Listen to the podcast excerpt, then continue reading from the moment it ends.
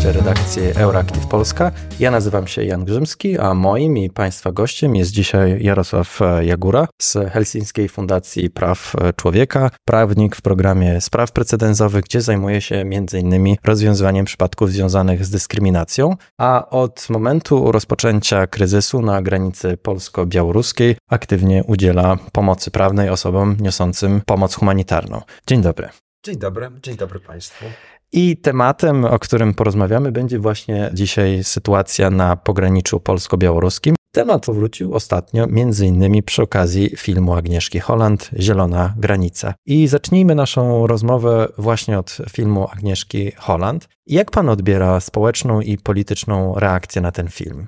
Jeśli chodzi o tą reakcję polityczną, szczególnie ze strony obozu rządzącego, to ona mnie tak naprawdę nie zdziwiła, no bo ten film jednak jest krytyczny w stosunku do tego, co władza tak naprawdę robiła jaką sytuację, że tak powiem, spowodowała na pograniczu polsko-białoruskim, więc no nie dziwi mnie to. Być może no dziwi mnie jednak jakby skala i natężenie aż tak negatywnych e, komentarzy. Natomiast no bardzo cieszy mnie z drugiej strony odzew e, społeczeństwa i to, że tak tłumnie nasze społeczeństwo poszło do kin e, obejrzeć ten film. No mam nadzieję, że no swoją rolę ten film odegrał, żeby no zwiększyć świadomość na temat właśnie tego problemu, który się toczył, ale który się nadal toczy i to że może mniej obecnie w mediach na ten temat jest słychać, to nie znaczy, że ten kryzys się zakończył, ponieważ cały czas na pograniczu polsko-białoruskim są ludzie, są w lasach, wymagają pomocy i myślę, że ta sytuacja jednak tak szybko się nam nie zakończy.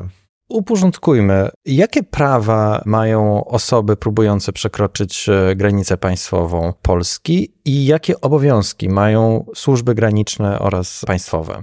Przede wszystkim osoba, która przekracza granicę, bez znaczenia, czy na przejściu granicznym, czy tak zwaną zieloną granicę, czy nawet przechodząc przez mur, ma prawo złożyć wniosek, zawnioskować o tak zwaną ochronę międzynarodową, udzielenie statusu uchodźcy, który powinien być udzielony, jeżeli osoba ucieka z kraju swojego pochodzenia w obawie przed różnego rodzaju prześladowaniami. Z tego względu, no nie wiem, ze względu na swoją przynależność polityczną, do jakiejś grupy społecznej i no, może skorzystać z takiej formy ochrony strony i obowiązkiem władz jest umożliwić tej osobie przyjęcie tego, jakby złożenie tego wniosku, rozpatrzenie tej sprawy indywidualne, zbadanie tego, czy ta osoba faktycznie no, kwalifikuje się na udzielenie tej ochrony międzynarodowej, czy też nie. A jeżeli się no, nie kwalifikuje albo nie wiem, nie złożyła takiego wniosku o udzielenie ochrony międzynarodowej, to należy przeprowadzić procedurę powrotową, gdzie też należy zbadać, czy na przykład taki powrót tej osoby do jej państwa pochodzenia, czy do państwa, z którego ona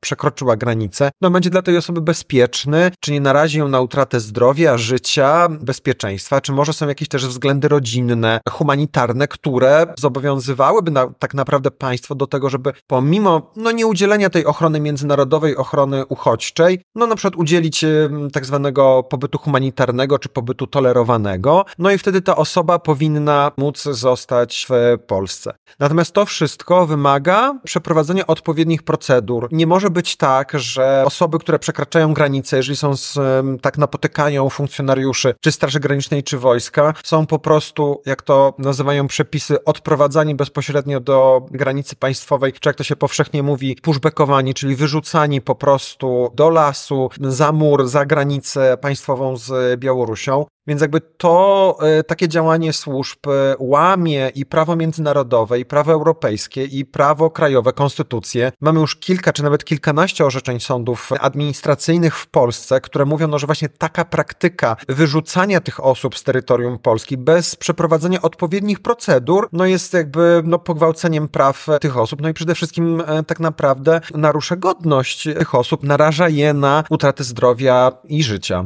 No właśnie, e, wspomniał Pan o tych e, sprawach toczących się przed polskimi sądami. Helsińska Fundacja Praw Człowieka reprezentuje osoby migrujące właśnie przed polskimi sądami. Jak przebiegają te sprawy i jakie wyzwania prawne przed Wami stoją?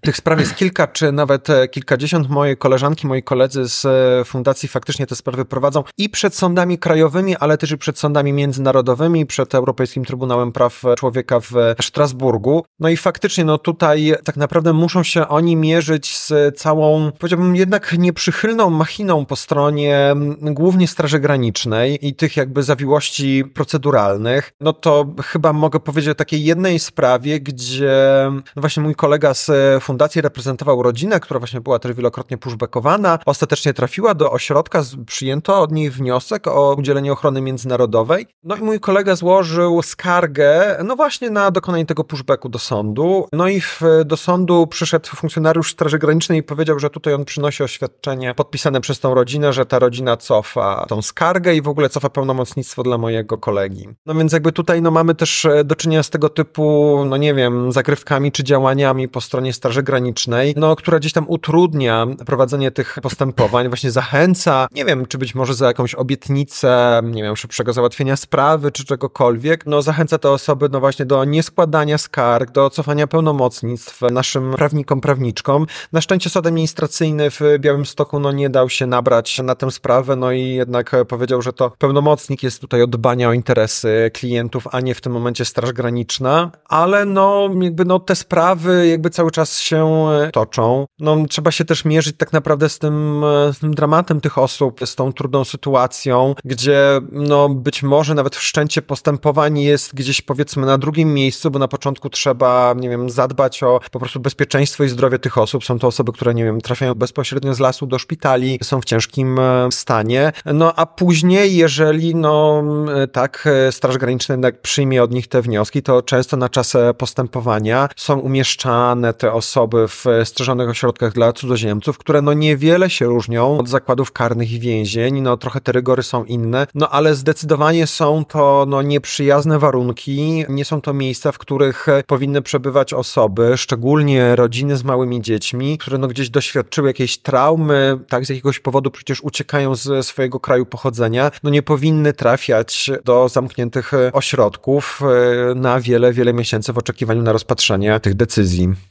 Jak takie sprawy są dokumentowane? Jakby pan powiedział, na ile one są przekonywujące dla sądów? No bo mówimy o sytuacjach e, dziejących się właśnie często w, w lesie, gdzie trudno o na przykład jakichś świadków tych, tych wydarzeń. Jak sądy do tego podchodzą, do dowodów, które państwo składają i czy one są brane pod uwagę? Mhm. No tak, to jest niewątpliwie wyzwanie i to, co często zarzuca Straż Graniczna i czego tak naprawdę kurczowo trzyma się w tych sprawach, że tak naprawdę no, nie ma dowodów, dowodów, że ta osoba, no nie wiem, była wielokrotnie przerzucana przez e, granicę, nie ma dowodów, że domagała się azylu, ochrony międzynarodowej. No i e, w tych sprawach tak naprawdę sądy powiedziały, że Straż Graniczna, nie dokumentując właśnie sytuacji pushbackowych, nie sporządzając żadnej dokumentacji z tego, trochę sobie sama szkodzi. I w tym momencie tak naprawdę jedynym źródłem dowodowym jest relacja tego migranta, migrantki. No i z tego powodu, że jest właśnie tylko i wyłącznie ta relacja tej osoby, no nie można jej jej podważać. Więc jeżeli ona jest spójna, logiczna, to jak najbardziej jest ona wystarczającym dowodem do tego, by udowodnić w sądzie, że ta rodzina była pushbackowana, ta rodzina ubiegała się o udzielenie ochrony międzynarodowej, ale no jakby nieustannie te argumenty są wykorzystywane właśnie przez e, Straż Graniczną, także też i w tych postępowaniach przed e, sądami międzynarodowymi, gdzie kwestionuje się tak naprawdę, że a czy te osoby w ogóle były na terytorium Polski, czy też nie, czy ubiegały się o ochronę, czy nie. No to wszystko jest jednak bardzo, jakby no jest to trudne do, w tym momencie do wykazania, ale no jedyną tak relacją, całe szczęście sądy opierają się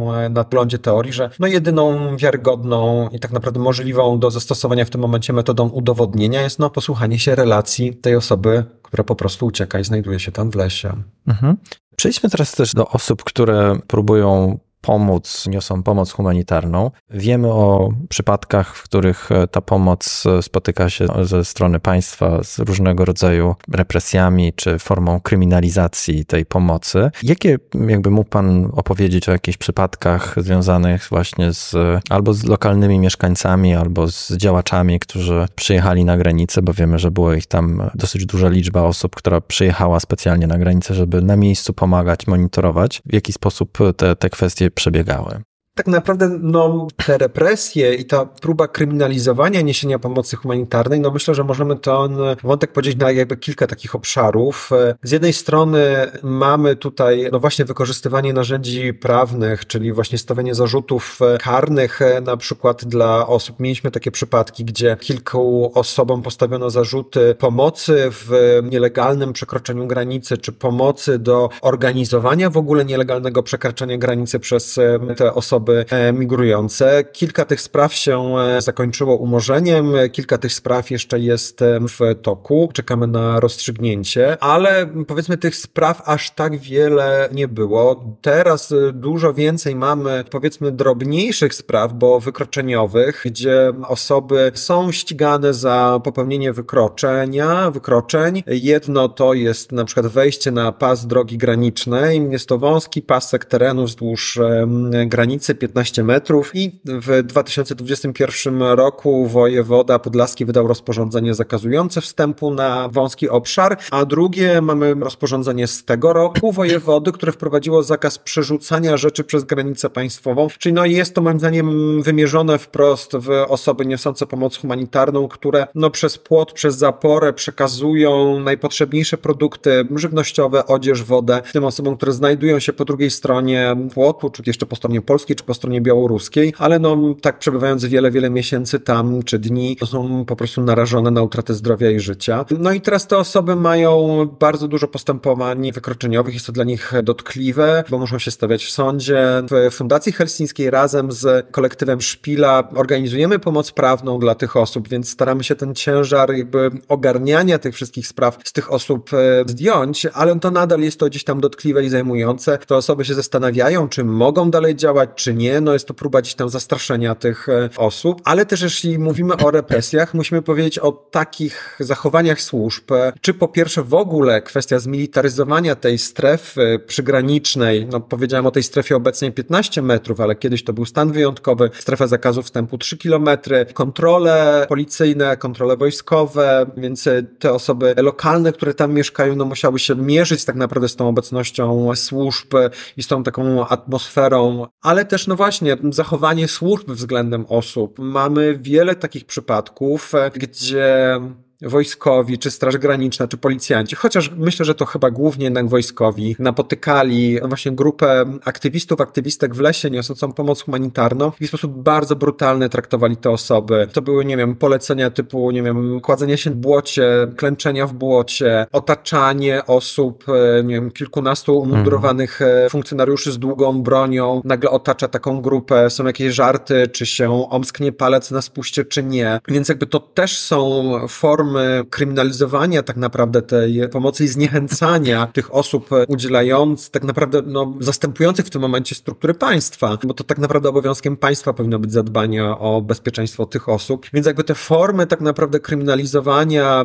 pomocy, zniechęcania tych represji są bardzo duże. No teraz e, mogę wspomnieć o kilku świeżych bardzo orzeczeniach z października tego roku, gdzie sąd rejonowy w Hajnówce uniewinnił grupę aktywistów właśnie od tych wykroczeń wejścia na pas drogi granicznej i przerzucania rzeczy przez e, granicę państwową, argumentując to tym, że no, te osoby działały w stanie wyższej konieczności, właśnie ratując zdrowie i życie tych osób. No więc jakby te wartości wynikające z jakichś tam rozporządzeń, no jednak jakby są dużo niżej w tej drabinie wartości, więc no nie można tak naprawdę e, próbować karać tych osób za no, odruchy serca, odruchy solidarności z tymi osobami. Też e, sąd w Hajnówce uchylił już sześć mandatów, które nałożyła Straż Graniczna na właśnie na aktywistów lokalnych mieszkańców, też właśnie za to wchodzenie na pas drogi granicznej, za przerzucanie rzeczy przez granicę państwową. Tam już, co mnie bardzo cieszy, pojawia się tak naprawdę, no już taka bardzo formalistyczna, prawnicza argumentacja, że tak naprawdę e, na podstawie kodeksu wykroczeń nie można karać za naruszenie tych dwóch e, zakazów rozporządzeń, czyli mamy zakazy z rozporządzeń wojewody, tylko że nie mamy w tym momencie narzędzia, które pozwalałoby karać wykroczeniowo. Chodzi tutaj o to, co też było bardzo na topie tematem przy okazji pandemii koronawirusa i zakazu wstępu do różnych przestrzeni, parków i tak dalej. I jak to w prawie karnym trzeba być bardzo skrupulatnym i bardzo zwracać uwagę, co konkretnie jest napisane. Przepisy kodeksu wykroczeń pozwalają nam karać za naruszanie przepisów o zachowaniu się w miejscach publicznych, a nie pozwalają nam karać za naruszenie przepisów na przykład o przebywaniu w miejscach publicznych. Jest to może drobna różnica tak mhm. językowo, ale z perspektywy prawa karnego bardzo ważna. A tutaj mamy wprowadzony na przykład zakaz przebywania na tym pasie drogi granicznej, no więc nie mamy w tym momencie sankcji, ale no ja mam w tym momencie, mam wiedzę o kilkunastu czy nawet kilkudziesięciu takich postępowaniach przeciwko no właśnie aktywistom, aktywistkom, bo Straż Graniczna no te sprawy wszczynała, kierowała sprawy do, do sądu, no i teraz te sprawy trzeba wszystkie tak naprawdę pozakańczać, ale no to będzie wymagało czasu. Mhm. A jakie zmiany powinny zostać wprowadzone w polskim prawie, aby nie narażać na odpowiedzialność karną osoby niosące pomoc humanitarną? Pytanie jest, mm, znaczy odpowiem może trochę przewrotnie i moim zdaniem tak naprawdę nie trzeba zmieniać prawa, żeby no, uchronić osoby niosące pomoc humanitarną od jakiejś formy represji czy no właśnie kryminalizowania, karania. Naszym zdaniem e, świadczenie pomocy humanitarnej jest legalne. Nie wypełnia tak naprawdę znamion żadnego z przestępstw w kodeksie karnym. No oczywiście powinny być uchylone te powiedzmy rozporządzenia wojewody o zakazie wstępu na pas granicznej, zakaz tam przerzucania rzeczy, ale to powiedzmy są drobiazgi. Natomiast z perspektywy prawa karnego to teoretycznie nie ma potrzeby. Potrzebna jest zmiana nastawienia po stronie, nie wiem, czy prokuratury, policji, służb, żeby nie ścigała, nie wszczynała w ogóle tego typu postępowań. Chociaż muszę powiedzieć o tym, że w prawie międzynarodowym, w dyrektywie definiującej pojęcie handlu ludźmi, nielegalnego przekraczania granicy, jest mowa o tym, że państwa teoretycznie mogą w swoich ustawodawstwach wprowadzić właśnie wyjątki, że nawet pomoc w, pomoc w nielegalnym przekroczeniu granicy nie będzie stanowiła przestępstwa, no właśnie jeżeli jest efektem, wynikiem prowadzenia działalności humanitarnej, efektem odruchu serca. Prost takich przepisów, no jednak większość państw Unii Europejskiej nie wprowadziła. O ile dobrze pamiętam, chyba tylko osiem państw zdecydowało się w prostą kwestię uregulować, ale to nie jest to żadne z państw tych dużych graczy unijnych. I z tego co wiem, Komisja Europejska ma jednak no, podjąć jakieś działania w celu no, zachęcenia państw do tego, żeby wprost wprowadzać ten wyjątek w swoich przepisach karnych, ale no ten skutek myślę, że możemy spokojnie osiągnąć też przez zmianę po prostu interpretacji, zmianę myślenia o tych sprawach, no bo tak, no jeżeli ktoś pomaga, tak, nie świadczy pomoc humanitarną, no to nie wypełnia tych znamion, no nie wiem, organizowania nielegalnego przekraczania granicy, więc to jest też kwestia po prostu stosowania prawa. Na tej płaszczyźnie jesteśmy w stanie te sprawy jak najbardziej załatwić. Jesteśmy już jakiś czas po e, wyborach parlamentarnych, które odbyły się w październiku, i wszystko wskazuje na to, że dotychczasowa opozycja przejmie władzę. Jak może zmienić się sytuacja na pograniczu po zmianie rządu? Nie wiem, mogę powiedzieć o tym, czego ja bym chciał, żeby jak się zmieniła. No to przede wszystkim, żeby zaprzestać jednak e, stosowania tych e, pushbacków, czyli no, żeby jednak w sposób e, odpowiednio godny zająć się tymi osobami, które przekraczają granicę. Mur jest na granicy, ale też wiemy, że on jest nieszczelny. Osoby i tak przechodzą, ten szlak migracyjny jest i myślę, że no, nie uda się go przerwać. Odpowiedź tak naprawdę polskich władz powinna być zupełnie inna niż budowanie wielkiego kosztownego muru. Myślę, że te pieniądze można było wydać dużo, dużo lepiej na tak naprawdę prawidłowe przeprocedowanie tych wszystkich spraw i na zajęcie się tymi wszystkimi osobami, które przekraczały naszą e, granicę. Więc mam nadzieję, że e, no, zmieni się ta optyka już te osoby nie będą stawiane w roli takiego zagrożenia. No i taki plan minimum i takie moje życzenie minimum, no to żeby tych e, no, pushbacków nie było. Kolejny krok, myślę, że powinniśmy się zastanowić nad kwestią organizacji strzeżonych ośrodków dla cudzoziemców, żeby no te osoby nie trafiały do tej detencji na czas oczekiwania na rozpatrzenie swojej sprawy. No a trzeci krok, no to w ogóle przyjęcie jakiejś polityki migracyjnej e, polskiej, której od wielu, wielu lat tak naprawdę nie mamy. Nie mówię tutaj właśnie o wybudowaniu muru, tylko no na zastanowieniu się nad tym tak naprawdę czego my, co my chcemy i jak, w jaki sposób ten temat zagospodarować. Właśnie wspomniał Pan o tej zaporze, którą wybudował poprzedni rząd, ale murów w Europie jest więcej. Ponadto rozpoczynają się nowe wojny, jest cały czas aktualna kwestia ubóstwa na świecie, zmiany klimatyczne. To wszystko może nasilić migrację do Europy i w kontekście, w tym kontekście wielu polityków też mówi bardzo mocno o potrzebie dbania o bezpieczeństwo. Zresztą to była narracja poprzedniego rządu. Jak w takiej sytuacji bronić praw człowieka? Jest to, wydaje mi się, niezwykle trudne, bo nawet jeżeli spojrzymy na propozycję, którą przedstawia Unia Europejska w zakresie nowelizacji prawa migracyjnego i to, co stało się też no, przyczynkiem do jednego z pytań referendalnych, czyli no właśnie ten mechanizm relokacji. No to jest właśnie element tej nowej polityki migracyjnej, planów e, zmiany przepisów e, unijnych. No i niestety to nie napawa optymizmem, bo mm, te regulacje niestety zmierzają w kierunku no, budowania jednak twierdzy Europa i odgradzania się jak nie murami faktycznymi, to murami prawnymi, też jakieś e, tak formy uproszczonych procedur deportacyjnych, więc no generalnie atmosfera nie jest sprzyjająca w Unii Europejskiej Europejskiej co do praw e, migrantów i migrantek. Oczywiście jesteśmy żywotnie zainteresowani osobami, które są w stanie wesprzeć nas swoją pracą. Chętnie zachęcimy wszystkich młodych naukowców. Przeprowadzimy drenaż mózgów jeszcze, jeszcze większy z innych państw po to, żeby pościągać te osoby do, do Europy. Ale no właśnie ta otwartość na te osoby uciekające przed, e, no nie wiem, czy przed skutkami wojen, skutkami kryzysów klimatycznych, e, kryzysu klimatycznego, no już taka nie jest. No i tutaj przede wszystkim trzeba byłoby zmienić w ogóle myślenie o tym, jak tą sytuację rozwiązać i jak pomagać, tak? Czyli jakby nie wchodzić gdzieś tam może w kooperację z tymi e, lokalnymi dyktatorami, którzy gdzieś tam wokół Unii Europejskiej są, którzy gdzieś tam za pieniądze tak naprawdę unijne powstrzymują, czy starają się powstrzymać osoby migrujące, ale no, żeby zastanowić się na tym w ogóle, dlaczego te migracje są i tutaj no jednak odpowiedzialność kontynentu europejskiego wydaje mi się, że jest duża, tak generalnie globalnej północy względem globalnego południa, no żeby wspierać jednak te społeczności, wspierać rozwój tych krajów w sposób bardzo mądry i przemyślany, no żeby te osoby po prostu nie musiały uciekać, e, nie musiały no, zostawiać swojego świata i przyjeżdżać tutaj do Europy. No też jest kwestia zastanawiania się nad, tak nad, nad przeszłością kolonialną i odpowiedzialnością kontynentu europejskiego. No cóż, no myślę, że nadal będziemy upominać się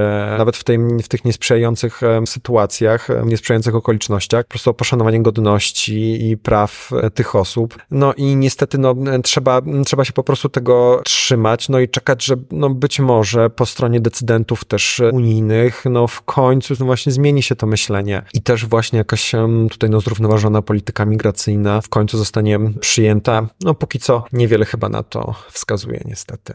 No ale oby się udało. Bardzo dziękuję za inspirującą rozmowę. Naszym gościem był dzisiaj adwokat Jarosław Jagura z Helsińskiej Fundacji Praw Człowieka. Do usłyszenia. Dziękuję, dziękuję. bardzo.